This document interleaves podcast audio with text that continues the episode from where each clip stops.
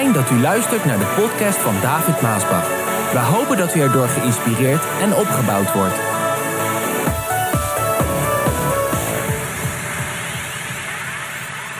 Het kerstverhaal begint negen maanden voor de geboorte van de Heer Jezus Christus. In een dorp genaamd Nazareth. Kan u Nazareth zeggen? Nazareth.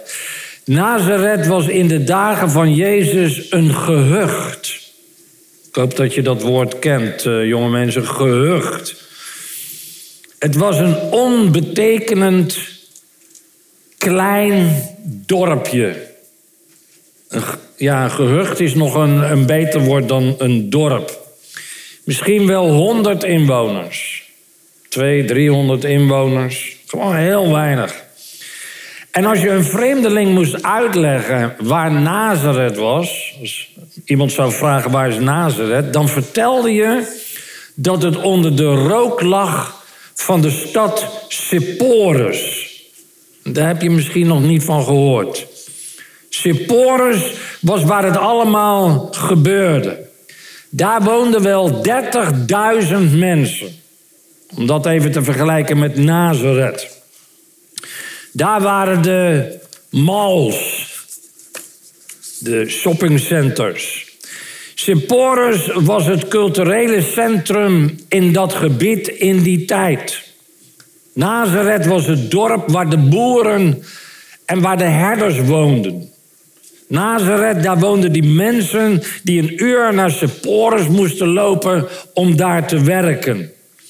En de lage status van Nazareth lezen we in Johannes 1, vers 45.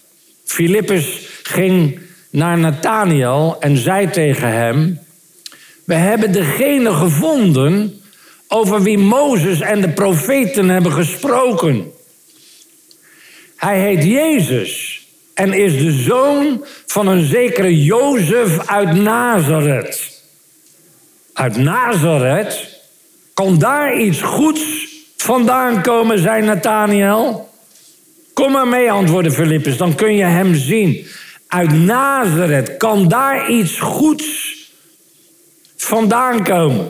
Dan, dan zie je hoe mensen spraken over Nazareth.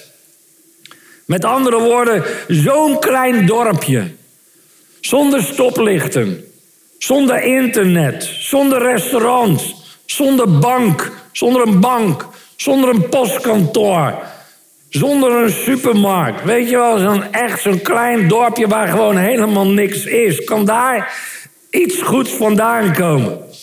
Zo'n dorpje waar hardwerkende mensen wonen die elke dag opgaan naar Sepphoris om daar te werken. En dit, lieve mensen, was het dorpje waar Maria woonde. Maar David, waarom koos God nou dit kleine, onbetekenend dorpje uit en niet die stad Sepphoris? Om een vrouw te vinden om Jezus Christus, Gods Zoon, ter wereld te brengen. Lieve mensen, dit zegt iets over het karakter van God. De Bijbel die laat ons zien dat God altijd het mindere, het nederige uitkiest om zijn groot en belangrijk doel te bereiken. Luister maar hoe 1 Korinthe 1 vers 27 dat zegt. God heeft juist wat voor de wereld dwaas is, uitgekozen om hen die zichzelf zo wijs vinden terecht te wijzen. Hij heeft de zwakken van de wereld uitgekozen om de sterken te beschamen. God heeft het onaanzienlijke en het verachtelijke van de wereld uitgekozen. Dat gebruikt hij om wat in de wereld belangrijk is buitenspel te zetten.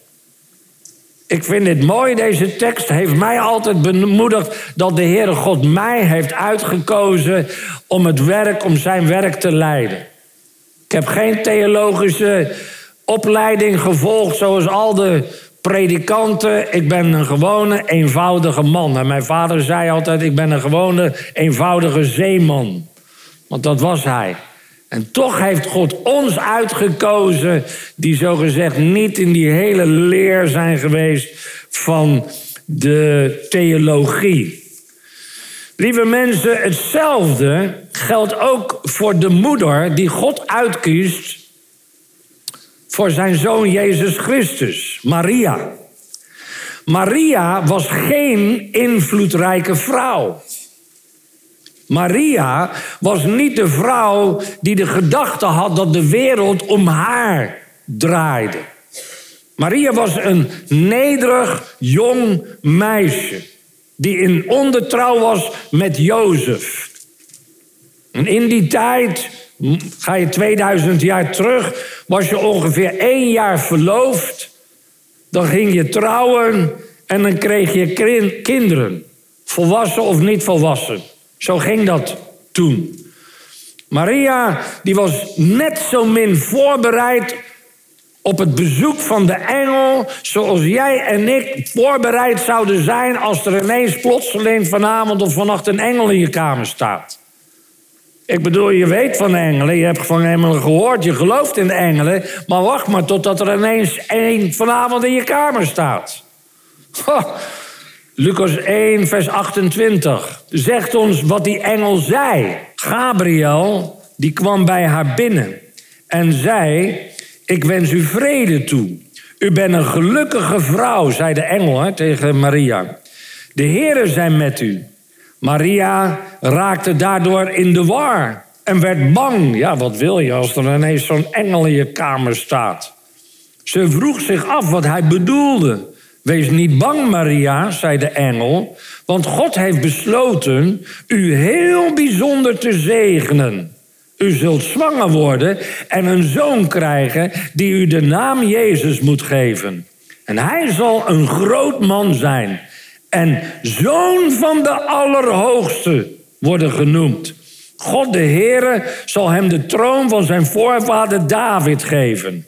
Hij zal voor altijd over het volk Israël regeren en aan zijn regering komt geen einde.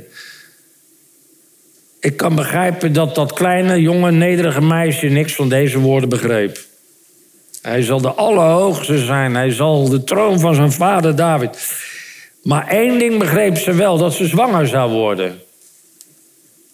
Ik denk dat alle meisjes dat wel begrijpen.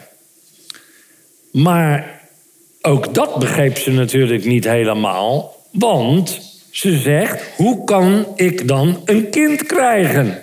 Want ik ben nog maagd.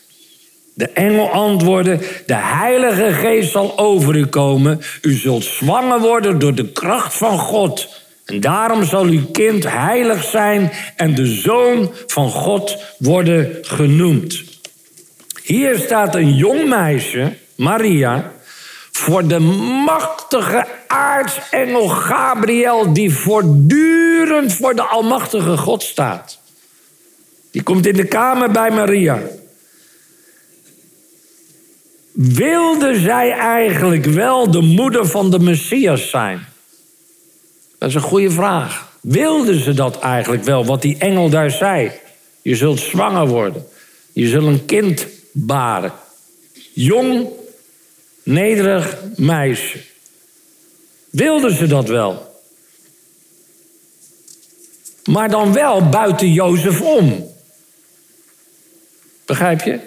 Wilden ze wel zwanger worden buiten Jozef om, om dan een kind te baren? Wat zal Jozef wel niet denken?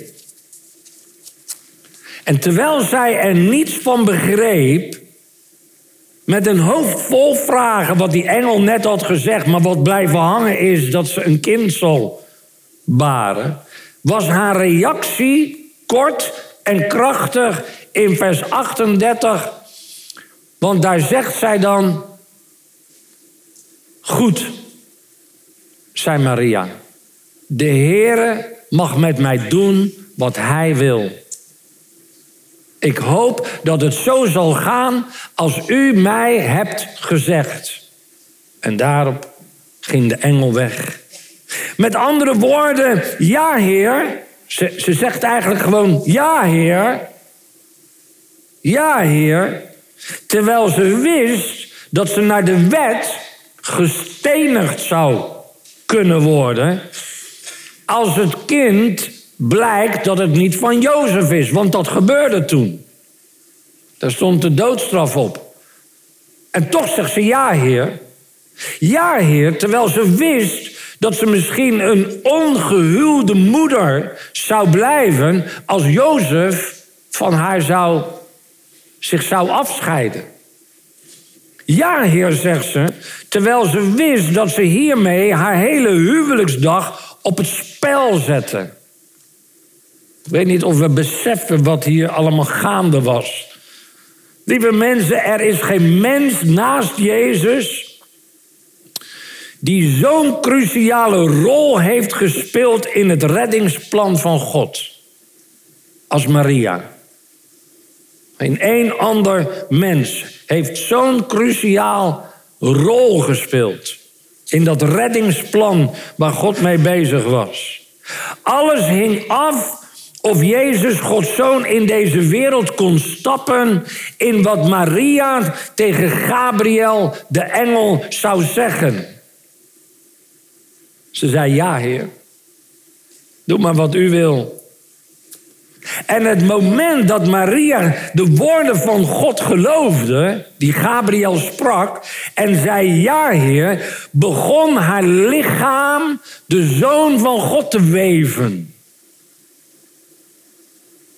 Want er kwam geen man aan te pas, het was God. Het was haar bloed dat de voeding naar het kindje in haar buik bracht. Het waren haar woorden, of die nou gezongen of gesproken werden, zoals alleen een moeder kan doen. Die het kind tot rust brengt als het onrustig is. Mama's hebben een hele bijzondere rol. Daar moet ik eens een andere boodschap een keer over brengen. Hoe men vandaag daarover denkt. Met alles, al die vreemde. Maar goed, dat is een andere boodschap. Het waren haar woorden.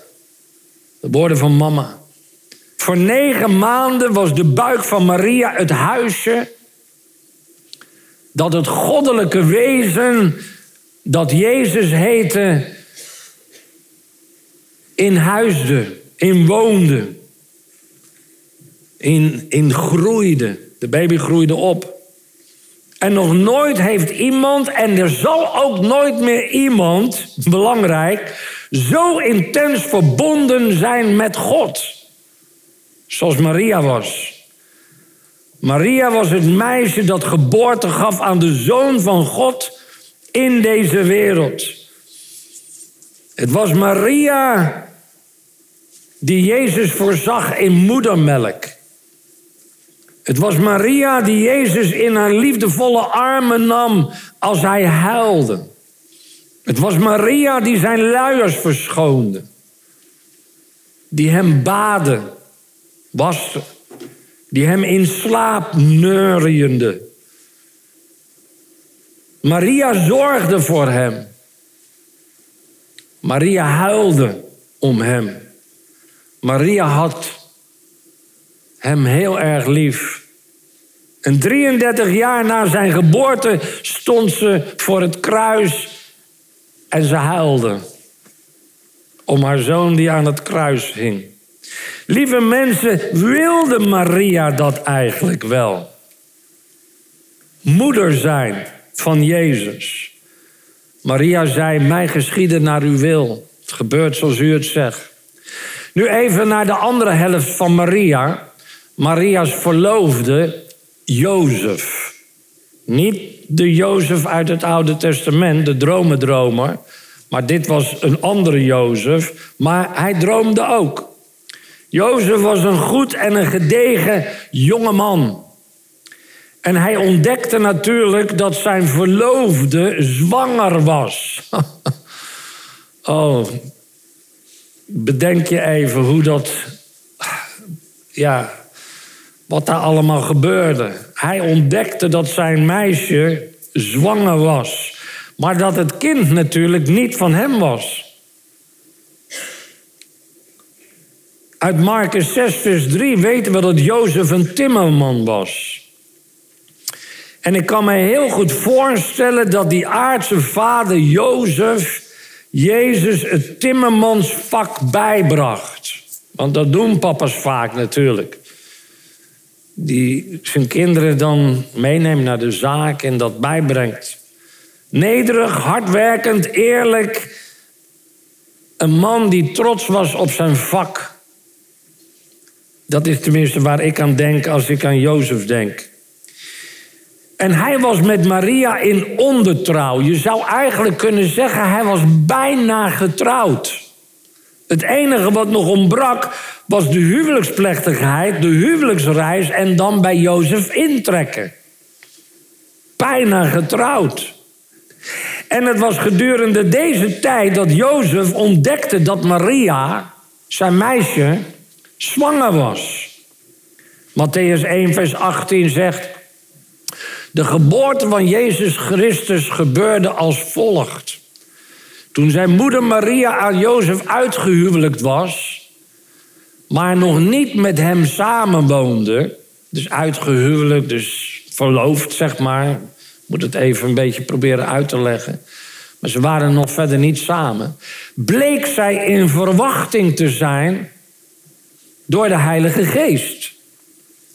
Omdat Jozef een rechtschapen mens was en haar de schande wilde besparen, besloot hij om in stilte van haar te scheiden. Met andere woorden, Jozef had het knap moeilijk om het verhaal van Maria over de engel en haar zwangerschap te geloven. Want anders zou hij niet in stilte van haar willen scheiden. Maar hij was gewoon wel een goede, een goede man. Maar hij had het wel moeilijk. Ja, ik vraag me af, wie zou dat niet moeilijk hebben, mannen? Als je verloofd bent, je bent nog jong... en het blijkt dat je meisje zwanger is, maar niet van jou. Dan heb je het knap moeilijk. En als je vrouw dan ook nog eens een keer zegt: Ja, er was een engel bij me en die heeft gezegd dat ik zwanger zou worden. Ja, vandaag zeggen ze: Ja, dag. Kan mij nog meer vertellen? Dag. Hij kon die maagdelijke geboorte gewoon niet geloven. En velen kunnen dat vandaag ook niet. Ik denk, er zijn sommigen die dit horen en die lachen. Die denken, David, jij bent getikt als je dat gelooft. Maar er zijn zelfs heel wat predikanten die geloven niet meer in de maagdelijke geboorte. Maar dat is wel heel essentieel. En dat is ook weer een andere boodschap om dat uit te leggen waarom dat zo belangrijk is. Maar de wereld van Jozef, een goede man, een goede vent, die echt van Maria hield, zijn wereld stortte wel helemaal in toen hij hoorde dat zijn meisje zwanger was. Maar niet van hem. Wat moet die tijd niet moeilijk zijn geweest? Niet alleen voor Maria, maar ook voor Jozef. Niet alleen voor Jozef, maar ook voor Maria. Voor hun allebei. Moet dit echt een hele moeilijke fase in hun leven zijn geweest. Maar dit vind ik mooi. Terwijl zij beiden door een verschrikkelijk dal gingen, want dat was het echt een verschrikkelijk dal, was God bezig met het meest geweldige wonder. God was aan het werk in de buik van Maria sinds de schepping van het universum. God orchestreerde hier de geboorte van de redder van de wereld. God was daarmee bezig. Dat begreep niemand. Het was ook niet bekend. Maar God had alles al uitgepland. Dat was zijn plan. Dat was dat grote plan. Hij was daarmee bezig. En zelfs Maria en Jozef, die het zo moeilijk hadden, die begrepen dat niet. Wat, daar, wat voor groots zij in betrokken waren. En waar God mee bezig was. En God wilde ook aan Jozef een kleine rol in dit grote reddingsplan geven. In dit grote gebeuren. Alleen, er stond dus iets groots te gebeuren, alleen Jozef zag het nog niet. Maria ook niet. Maar we hebben het nu even over Jozef. Dus er stond iets groots te gebeuren en hij was daarin betrokken, alleen hij zag het nog niet. Lieve mensen, als jij vandaag door een moeilijke fase in jouw leven gaat, denk dan aan Jozef en Maria. Maar ook aan de woorden van de apostel Paulus in Romeinen 8, vers 28. Hij zegt: één ding weten wij, voor wie hem lief hebben, laat God alles medewerken ten goede. Voor hun bestwil. Want hij heeft een plan met hen. Waar jij dus ook doorheen gaat, hoe moeilijk het ook is, God heeft een plan daarmee. God heeft een plan met jouw leven. Met andere woorden, als alles in je leven tegenzit, kan het zijn dat God met iets geweldigs in jouw leven bezig is. Alleen je kan het nog niet zien. Dat is het punt. Je kan het nog niet zien. Als Jozef was weggelopen en Maria en het kindje alleen had achtergelaten, dan had hij iets geweldigs in zijn leven gemist. Als hij dat had gedaan. Lieve mensen, loop daarom nooit weg van teleurstellingen in je leven. Hoor je dit? Loop niet weg van de teleurstellingen in je leven. ik heb dat in mijn leven vaak meegemaakt. Met lieve broeders en zusters, maar die uiteindelijk zijn weggegaan vanwege teleurstellingen, maar zij missen heel veel goeds dat God in hun leven had willen doen. En die nacht had Jozef een droom. En dit is wat hij droomde, Matthäus 1. Terwijl hij hierover lag na te denken, ja, zwanger, niet van mij, kan dat? Maria, de engel, begrijp er allemaal niks van. Terwijl hij lag na te denken, verscheen hem een engel van de Heer in een droom. Jozef, zoon van David, zei de engel, je kan gerust je vrouw Maria bij je in huis nemen. Ze is in verwachting door de Heilige Geest. Ze zal een zoon krijgen die je Jezus moet noemen. Dat betekent God redt. Want hij zal zijn volk redden van de zonde. Dat is wat de engel zei. Dat is wat jo Jozef droomde. En diezelfde morgen ging Jozef direct naar Maria. En hij vertelde haar wat hij gedroomd had. En hij zei: Maria, ik geloof je. We gaan trouwen. Mooi hè? En ik zal het kind opvoeden als mijn eigen kind. Hij was helemaal bevrijd van al die ja, insinuaties, dingen die, waarvan de duivel dan ook weer gebruik maakt om je in verwarring te brengen. We gaan trouwen. Ik ga zorgen voor het kind. God sprak tot Jozef in dromen, zegt de Bijbel. En de dromen van Jozef maakten dat hij de rest van zijn leven toewijde om Jezus op te voeden en te beschermen als een aardse vader. Ook daar heeft God voor gezorgd. Dat er een aardse vader zou zijn die zijn kind zou opvoeden en beschermen. Jozef luisterde naar God in zijn dromen en was God gehoorzaam. Nog even terug naar Maria. Nadat Maria te horen had gekregen dat zij een kind zou baren. En dat dat kind Gods zoon was en Jezus moest heten. Kan ik mij voorstellen, omdat ze nog zo jong was, dat ze veel vragen had. Naar wie kon zij nou het beste gaan om te praten? Voor advies. Ik zeg ook vaak vandaag, wie zijn jouw adviseurs? Als jij met dingen zit, als je met vragen zit. En dan herinnert zij zich plotseling dat de engel ook iets gezegd had over haar tante Elisabeth. In Lucas 1, vers 36 zegt de engel tegen Maria: Ik heb nog meer nieuws. Het is over uw oude tante Elisabeth. U weet dat zij geen kinderen kon krijgen. Maar nu verwacht zij een zoon. En ze is al in haar zesde maand. Elisabeth was zwanger van Johannes de Doper. Had allemaal met elkaar te maken.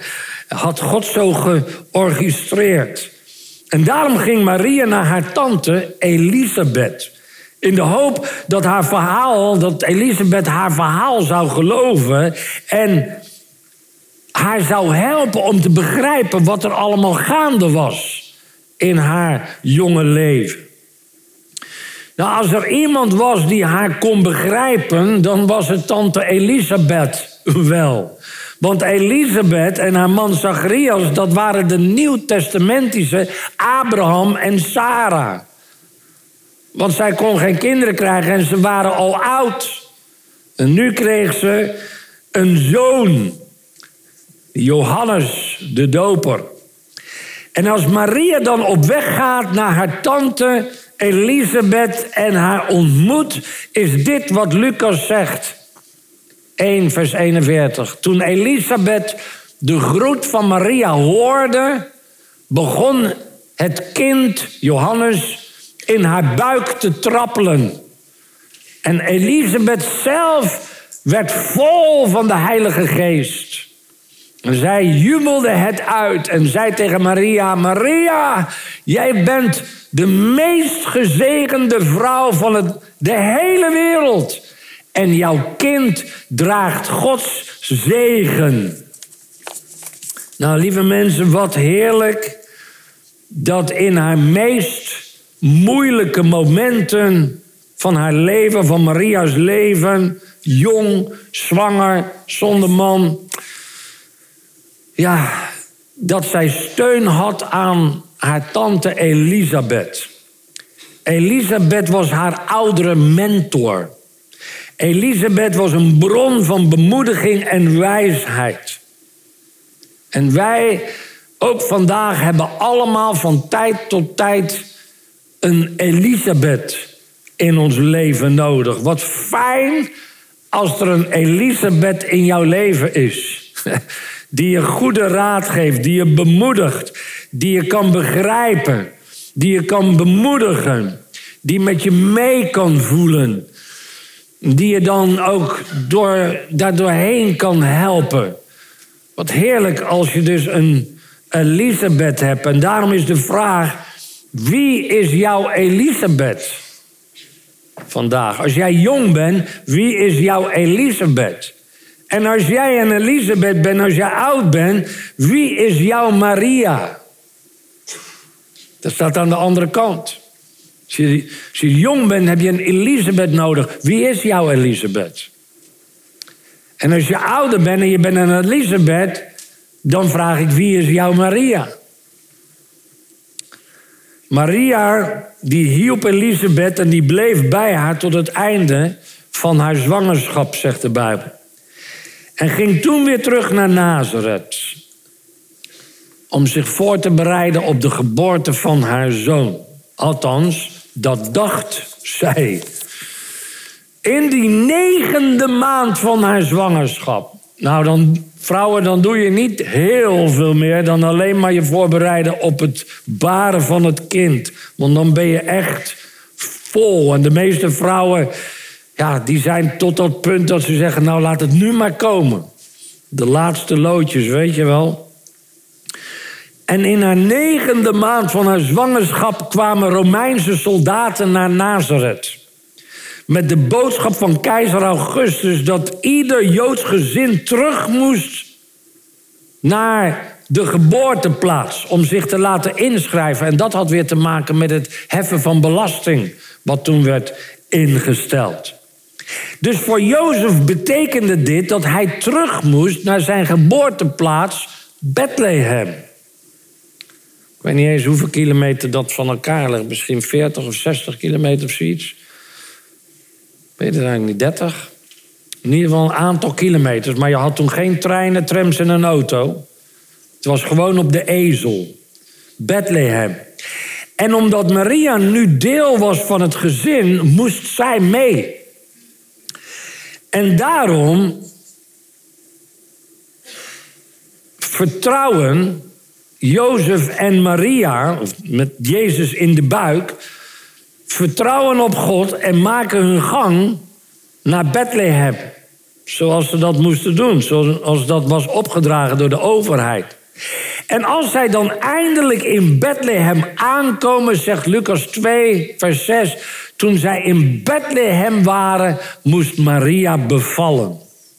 Lieve mensen, te midden van allerlei problemen, allerlei moeilijkheden, de chaos, de onrust, de puinhopen in de wereld, was God aan het werk om de wereld te redden.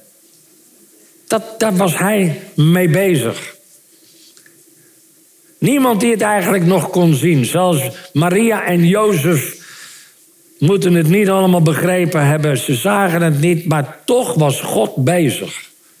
En hij was aan het werk. Te midden van de dieren, de lasten, de zorgen, de moeite, het verdriet, alles wat daarbij kwam kijken. Lieve mensen, hoe moeilijk jouw leven ook is, heb vertrouwen op God. Hoe moeilijk en hoe diep het dal ook is en hoe je het ook niet ziet en niet begrijpt. En zoveel vragen hebt aangaande zaken in je leven, dingen waar je doorheen moet gaan. Heb vertrouwen. Heb geloof. Heb hoop. Hoop op God vandaag. Ook in deze hele situatie. Wat echt voor heel veel mensen heel moeilijk is. Jong en oud. We hebben er allemaal mee te maken. Heb geloof in God.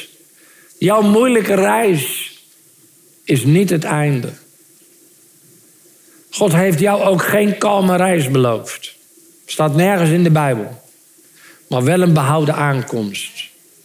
Dat is een hele mooie spreuk. Die mag je voor jezelf opschrijven. God loves you. Hoor je dat? God loves you.